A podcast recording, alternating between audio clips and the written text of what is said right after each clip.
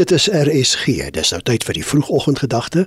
Vanoggend aangebied deur Elise Parker, skrywer van Pretoria. Goeiemôre liewe luisteraar. Van dese week gesels ons oor 'n nuwe begin en tweede kansse, want dit is die mooi lente maand Oktober. Ons kan nie net handjies gevou sit en verwag ons is Jesus met deernis lief te hê nie. Deernis is nie net 'n gevoel nie. Dit is 'n keuse en 'n besluit van die hart om 'n hart vol teerheid teenoor mense te hê, verg dat ons ons eie lewe nuut maak deur 'n dieper verhouding met Jesus te hê en na mense uit te reik.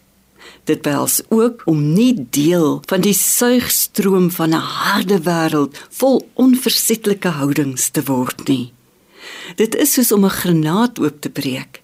Van die oopbreek van die vrug raak jou vingers vol stroop al het jy skaars aan die bitterpytjies geraak. Jy kan nie deernis bewys aan ander sonder om self 'n sagter hart te kry nie.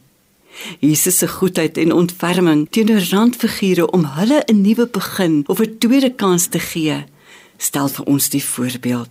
Saggeus, die belastinginsamelaar, het in Jerigo 'n tweede kans gekry toe Jesus by hom tuis gegaan het en Saggeus onderneem het om van die helfte van sy rykdom afstand te doen en op te maak vir die bedrog wat hy gepleeg het. Maar waar begin jy wanneer jy wil uitreik na ander om hul 'n tweede kans te gun?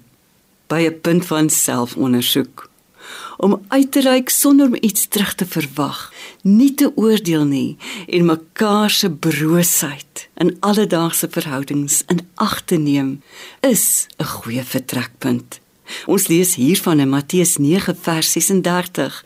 Toe hy die menigte gesien, het hy hulle innig jammer gekry, want hulle was moeg en hulpeloos, so skape wat nie 'n wagter het nie om waarlike leefwyse van deernis en tweede kansse vol te hou, verg buitengewone insig in ander se gebrokenheid. Asook hierdie wete, die herstel van verhoudings begin met teerhartigheid. Maak hierdie ingesteldheid vandag die wegspringblok van 'n nuwe deernisvolle saggees begin vir jou en vir ander.